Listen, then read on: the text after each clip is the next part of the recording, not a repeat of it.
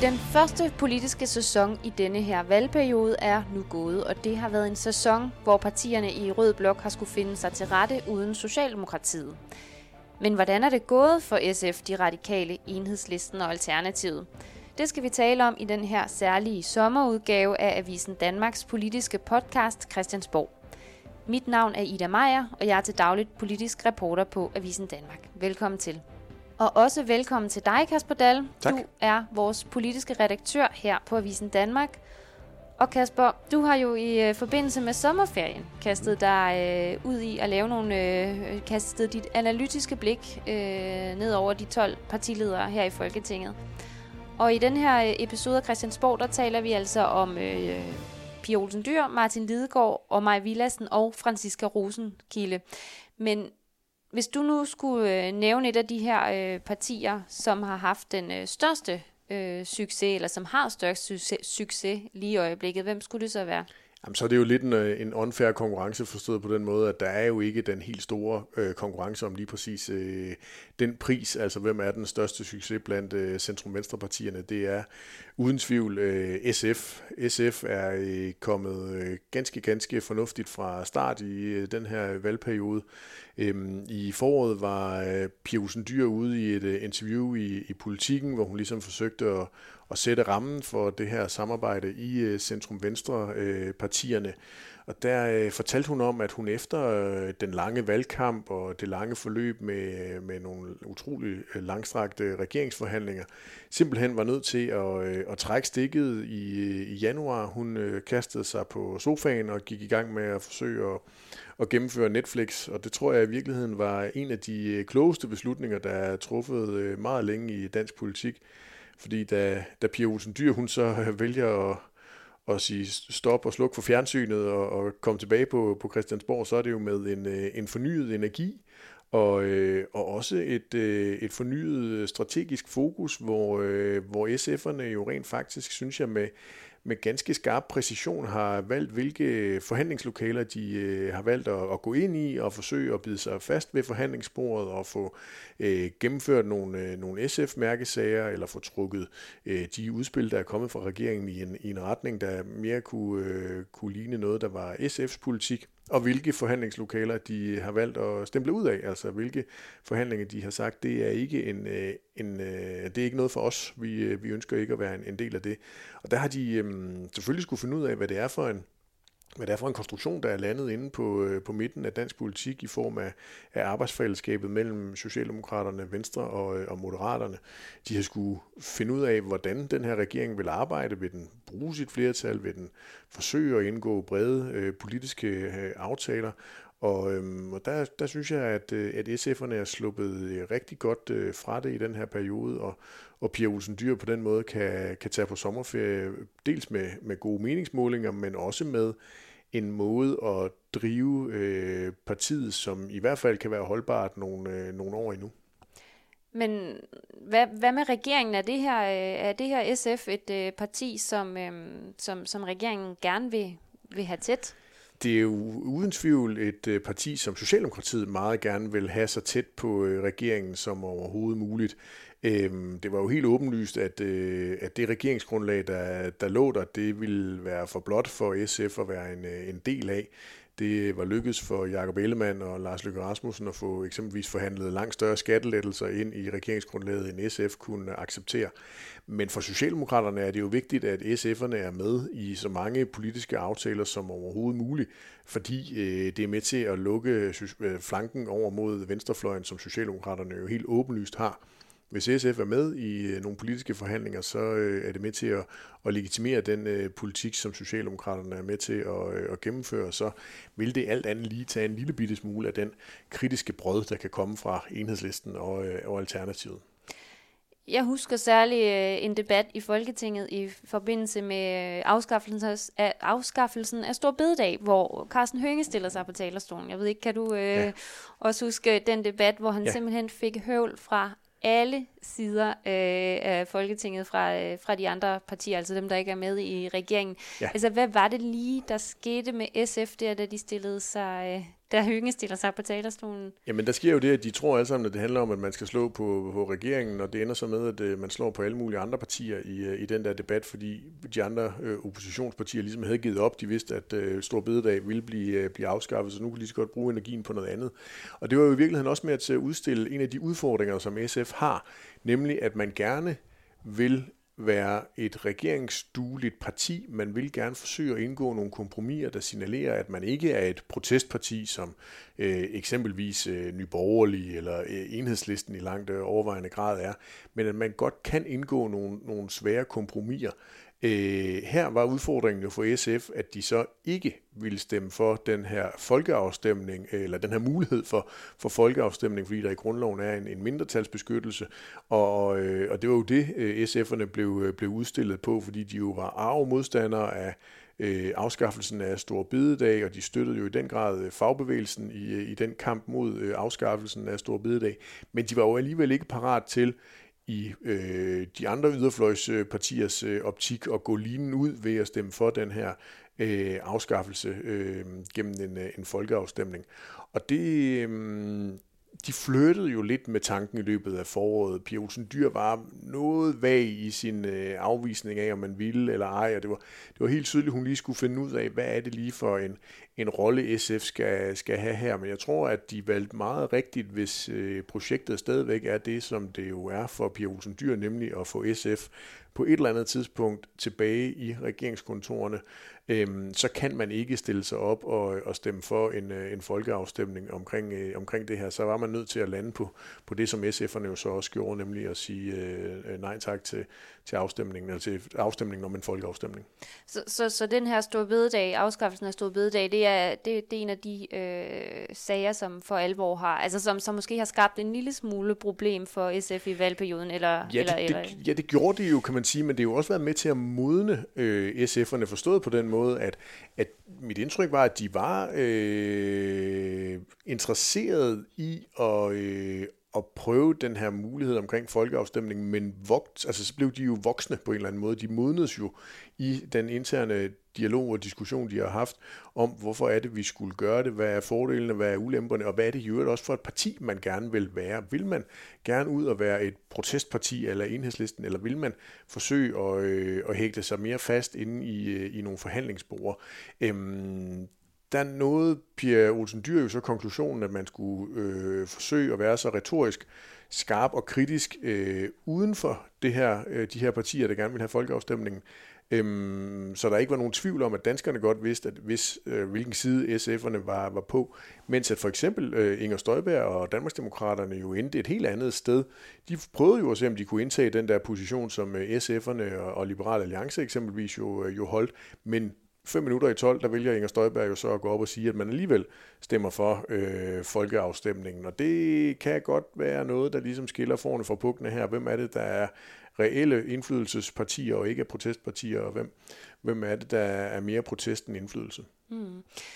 Ja, og et af de partier, som jo virkelig øh, var i protest imod den her afskaffelse, det, det, afskaffelse, det var jo øh, enhedslisten. Øh, hvordan er det parti øh, landet i, i, den, i den første, det første halve år? Af, ja, altså de er jo så landet lidt mere tumultarisk, end jeg synes SF'erne er, øh, er landet. Øh, Enhedslisten fik jo et dårligere valg, end de havde regnet med. Og det virker som om, at de har haft brug for noget tid til at, øh, at analysere det, evaluere det, øh, finde ud af, hvad der lige var, øh, var årsag til det. Og så er det jo ikke i modsætning til SF'erne lykkedes for Maj Villassen, Pelle Dragsted, Victoria Velasquez, alle de andre politikere fra, øh, fra enhedslisten at få suget nogle af de øh, sure socialdemokrater til sig. Altså enhedslisten ligger stort set på det samme niveau, som de gjorde ved, ved folketingsvalget. Og det burde egentlig øh, være bekymrende for dem, altså at det ikke er lykkedes for dem at enten fiske nogle af Socialdemokraterne, eller så om ikke andet, så i hvert fald fiske nogle af øh, SF'erne, som måske kan være sure over den pragmatiske tilgang til, til arbejdsfællesskabet med Socialdemokraterne, Venstre og Moderaterne, som SF'erne jo har haft. Øhm, og de på den måde har været med til at legitimere et, øh, et meget blot øh, regeringsgrundlag. Øhm, og det, det bør de være bekymrede over i, øh, i enhedslisten, og nu skal de jo også øh, her øh, på den anden side af, er sommerferien i gang med at finde en ny, ny politisk ordfører, når Maja Villersen går på, øh, på barsel. Og det kunne også godt være, at øh, nu har der været, der har været snakket meget om genstart, øh, en genstart af regeringssamarbejdet. Det kunne også godt være, at at enhedslisten de har, har brug for at trykke på den der reboot-knap øh, og prøve at byde ind med, hvad er det, øh, de rent faktisk gerne vil, øh, vil have ud af den her øh, valgperiode. Vil de forsøge at være hardcore protestparti, der signalerer et øh, klart og tydeligt politisk alternativ til det, der foregår inde på midten af dansk politik, og virkelig dyrke venstrefløjen, eller vil de forsøge at køre en mere pragmatisk linje og komme ind i nogle forhandlingslokaler, lidt ligesom SF'erne? Ja, vi har jo vidst, at øh, enhedslisten skulle have ny øh, politisk ordfører, ja. fordi at Maja Villadsen kommer til at falde for det her rotationsprincip, men at det kommer nu, er det så heldigt? Ja, det tror jeg egentlig, det godt kan være, fordi det, øh, jeg tror, at øh, efterhånden er de fleste nok blevet enige om, at at øh, det her arbejdsfællesskab kommer til at holde i ganske lang tid, fordi meningsmålingerne er så dårlige, at de er nødt til at blive, øh, blive hængende i, øh, i fællesskabet. Øhm, og, og der tror jeg, at, at enhedslisten har brug for dels selvfølgelig som altid at køre en ny politisk leder i stilling, når det er, at de øh, falder for rotationsprincippet. Det tager bare noget tid at blive, blive kendt i offentligheden, men også at prøve at definere, hvad er det politiske projekt for enhedslisten, for venstrefløjen. Muligvis sågar også begynde at lave nogle flere fælles ting med øh, de andre øh, røde øh, partier, Alternativet, SF, hvis de kan lokke Martin Lidegaards udgave af det radikale venstre med, vil det jo være et, et stærkt signal at sende ind mod, øh, mod Socialdemokraterne. Øhm, så, så de har brug for at få øh, genstartet øh, sig selv, forestiller jeg mig egentlig, at de, øh, de går og filosoferer lidt over, hvordan de skal gøre. Hvis, øh, hvis vi skulle øh, se lidt på øh, Martin Lidegaard, som du også øh, nævner her, han er jo... Øh ikke helt så ny længere, men mm-hmm. han, øh, han kom jo, øh, blev jo sat ind som øh, politisk leder, efter at Sofie Carsten Nielsen forlod øh, posten der efter valget. Og det er et ret dårligt valg for, for, for de radikale. Det må man sige. Ja. Øh, hvordan er han øh, kommet fra start? Altså, hvor, hvilket hvilken forfatning er det parti i lige i øjeblikket? Ja, det er et sindssygt, øh, sindssygt godt spørgsmål, fordi altså, det radikale venstre har jo i den her valgperiode været et stort spørgsmålstegn. Altså, hvad er det for et parti, Martin Lidegaard han gerne vil stå i spidsen for? Jeg synes her op mod sommerferien er det begyndt, og, øh, og altså, der er konturerne begyndt at, at tegne sig af øh, det radikale venstre under Martin Lidegaards øh, ledelse. Men, men til at begynde med i, i den her politiske sæson, der var det jo meget tumultarisk. Der var i en meget lille folketingsgruppe øh, fraktioner, hvorvidt man skulle være med i regeringssamarbejdet, hvorvidt man ikke skulle. Vil man få mest indflydelse på at være inde i nogle ministerkontorer, eller vil man få mere indflydelse ved at være udenfor? Det har de jo brugt utrolig meget tid på i det radikale venstre på at, at finde ud af, at, at blive enige om, at de nu skulle være, være uden for regeringslokalerne. Samtidig har vi jo så også set dem øh, forsøge at, at danne nogle alliancer på kryds og tværs af oppositionspartierne. De har lavet den her såkaldte klar alliance K, LA og R, der er øh, gået sammen. Øh, I regeringskontorene bliver der jo spøgefuldt øh, sagt, at den hedder RKI-alliancen, fordi de er gode til at, at bruge penge og mindre gode til at, at finde nogle penge. Øhm, men under andre omstændigheder har, har de jo forsøgt at danne nogle alliancer på kryds og tværs i, de, i det politiske spektrum. Og, og det kan sagtens være den rolle, som det radikale venstre kommer til at indtage i den her valgperiode, at de kan forsøge at binde nogle bånd mellem røde og blå partier uden for regeringen, men de er jo ikke en del af øh, regeringen, og der er ikke nogen, der har brug for deres øh, mandater til at kunne skabe nogle, øh, nogle flertal, og øh, det bliver meget øh, spændende at se, om det er en, en bæredygtig strategi for, øh, for Lidegaard. Øh, indtil videre er det jo ikke noget, vælgerne virker til at, at stemple ind i. De ligger stadigvæk på et på et virkelig øh, sløjt øh, resultat i, i meningsmålingerne, der minder om, øh, om deres valgresultat. Øh, så, øh, så jeg synes stadigvæk, at vi har til gode at se, hvad det er for et, et politisk projekt, som Martin Lidegaard mener, at det radikale venstre skal, øh, skal stå i spidsen for. Han har, øh, han har brugt noget af, øh, af det første halve år af 2023 på at sidde foran en computer og skrive løs på en bog. Øh, den skulle øh, komme her efter øh, sommerferien, og det bliver ganske interessant at se, hvad han øh, gør sig af politiske tanker om, øh, om det radikale venstres øh, fremtid, når vi nu rent faktisk har det, der tidligere var øh, en bog, Martin Lidegaard havde øh, skrevet, nemlig en, øh, drømmen og tanken om en, en regering hen over midten, så det kunne være interessant at se, om han flytter videre med nogle af de andre borgerlige partier, og på den måde kunne melde det radikale ind i øh, noget, der minder om øh, centrum højre, øh, eller om han kommer til at, at have nogle politiske idéer, der stadigvæk gør, at, at det radikale venstre vil, vil have nogle, nogle rødder og nogle forbindelseslinjer ind i, i centrum-venstre-partierne. Jeg kom til at tænke på, altså de radikale er jo ikke med i den her uddannelsesaftale, mm. selvom uddannelse er jo en, en vigtig øh, sag for de radikale, men det betyder jo så, at øh, de ikke kan være med til at lave øh, uddannelsespolitik øh, ja.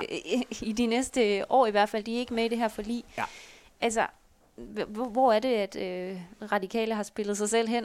Ja, de har jo spillet sig selv ud på øh, udskiftningsbænken ude på sidelinjen. Spørgsmålet er jo så, om de bliver skiftet ind igen, fordi det er jo ganske rigtigt, at øh, de er ikke med i universitetsreformen, og dermed så er der også rigtig meget, der taler for, at de heller ikke kommer med i nogle af de andre reformer, der skal laves på uddannelsesområdet i den her øh, valgperiode. Det er i hvert fald det, regeringen ligesom øh, lægger op til, fordi store dele af finansieringen til øh, de andre områder stammer fra den her universitetsreform.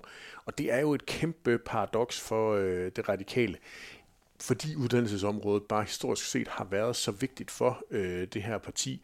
Men det bliver rasende interessant at se, om det, at de står uden for universitetsreformen, og dermed jo også sandsynligvis kommer til at stå uden for mange af de andre øh, forlig, kommer til at gøre dem til et populært parti for dem, der er involveret i, øh, i uddannelsesområdet.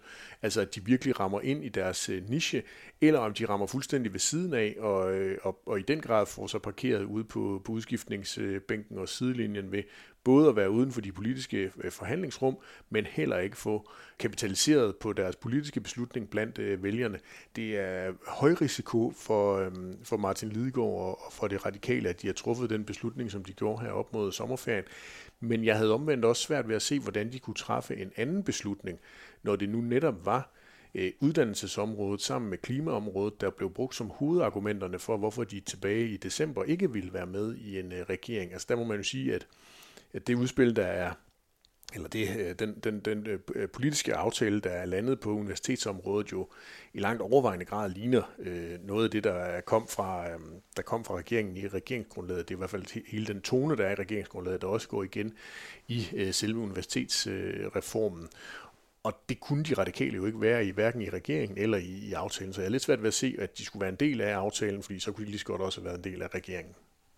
Kan du egentlig øh, huske noget fra Alternativet i den her sæson? Nej, altså... Øhm, det var jo ganske imponerende, at Alternativet fik sig øh, mødt så godt og grundigt over spærregrænsen, som de jo gjorde ved, ved Folketingsvalget der tilbage i november. Det havde jo måske øh, gjort, at vi havde nogle, øh, nogle lidt høje øh, forventninger til, hvad øh, så mange alternativister de kunne komme ind og, og sætte af politisk dagsorden, når de nu var væsentligt flere end bare Thorsten Geil, som havde fornøjelsen der i, i hele sidste valgperiode at være, at være ordfører for alt for det parti. Men, men man må jo sige, at øh, det er meget sparsomt med, hvad Franciske Rosenkilde og, og kompagni de lykkedes med at sætte af politiske aftryk i den her øh, valgperiode.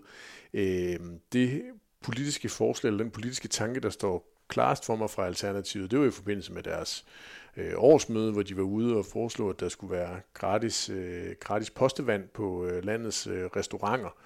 Øhm, det må jeg sige, det er jo sådan helt klassisk øh, alternativ, fordi de jo lige siden øh, partiets fødsel, der for næsten 10 år siden, har været enormt gode til at finde nogle meget, meget, meget konkrete små ting, øh, små politiske forslag, som man virkelig kunne øh, forstå, øh, og, og, øh, og kunne huske. Og, øh, og det er i hvert fald det, jeg sådan husker tydeligst, men det er jo heller ikke noget, der på den måde er med til at trække Danmark på nuværende tidspunkt i nogen form for grønnere retning, eller mere klimavenlig retning, som jo er det, Alternativet virkelig er, er sat i spidsen for. Ja, ja, ja altså deres øh, start, øh, lige få det efter valget, formåede de jo også at vende på en tallerken to gange i forhold til det her med en øh, advokatundersøgelse af Mette Frederiksen hvor, øh, hvor Franziska Rosenkilde øh, trak i land, men så dagen efter øh, igen gik ind for en advokatundersøgelse med den begrundelse, at hun havde fået for lidt søvn, øh, da hun udtalt det dagen før. Altså, det var jo et lidt øh, kaotisk start, må man sige, der få dage efter valget. Ja, og, og, og dels, dels det, men, men de har jo også skulle finde hinanden i den der folketingsgruppe, hvor Teresa Scavenius, øh, deres øh, klimaoverfører, jo også har været inde og sætte øh, nogle, nogle forskellige dagsordner, blandt andet omkring mobning på, på Christiansborg. Altså, så de har jo, det, mit indtryk af den folketingsgruppe er, at de har brugt rigtig meget tid på at finde ud af, hvordan skulle de få hverdagen i partiet, i sekretariatet til at fungere, og Øh, det er mit indtryk, at de, de håber, at det her første halve års tid kan være rigtig godt givet ud på den lange bane, altså at de har brugt tid på at være øh, noget navlepillende og mindre øh, kommunikerende ud i den store brede offentlighed, men at man så fordi man så forhåbentlig fra Alternativets side har fået styr på fundamentet, er klar til at prøve at se, om man kan sætte en, en dagsorden og bruge det, at de nu har fået en lang, lang, lang stærkere repræsentation på Christiansborg, end det man havde, da det kun var, var Torsten Geil. Jeg hørte uh, øh, Franziska Rosenkilde sige, det var på folkemødet, hun sagde, um, at, um, at når Alternativet ikke formåede at ligesom sætte sig igennem på den grønne dagsorden, så var det dels fordi, at uh, Alternativet ikke var gode nok til at komme frem med budskaberne, men også fordi de andre partier var, uh, lyver så mere grønne, end de egentlig er. Altså, hvor, hvor tror du, hvor er problemet for Alternativet? Hvordan ser du på det? Hmm, problemet for Alternativet er jo det, som sådan set også var problemet i sidste valgperiode, at deres raison d'être suverænt er den grønne dagsorden, det er klimaet, det er transformationen af øh, samfundet, men det er jo også blevet noget, som mange af de andre partier har adopteret. Altså, man kan få en, en grøn politik hos SF, man kan få en grøn politik hos Enhedslisten. Venstres Jakob Ellemann Jensen tøffede rundt i hele valgkampen og sagde, at øh, klimaforandringerne var hans generations øh, største opgave at få gjort noget ved der er jo indgået i sidste valgperiode et hav af klimaaftaler, der nu skal i gang med at leve ude i, i virkeligheden. Så på den måde så har rigtig mange jo adopteret det, der var Alternativets raison d'etre, og der skal de jo nu i gang med at finde ud af, okay, hvad er det så, vi vil? Vil vi presse endnu mere på for at få nogle endnu flere øh, abstrakte, ambitiøse måltal, eller vil vi prøve at se, om vi kan finde nogle andre dele af øh, livet, vi vil fokusere mere på, for alle ved godt, eller rigtig mange vælgere ved jo godt, at øh, et altså Alternativet er et grønt parti, og man får en til tider vild øh, klimapolitik hos Alternativet, men hvad får man mere? Altså den del øh, har Franciska Rosenkilde alle muligheder for at, at folde ud med den noget større folketingsgruppe, hun nu er, er sat i spidsen for. Jeg tænker, vi er nået til vejs ende i det her, øh, den her sommerudgave af Avisen Danmarks politiske podcast øh, Christiansborg. Vi har optaget det her afsnit i starten af juli, så hvis der er nogle aktuelle ting, som vi ikke har fået med, øh, så er det altså derfor. Men øh, lyt med igen i næste uge, hvor næste afsnit af Christiansborg kommer ud.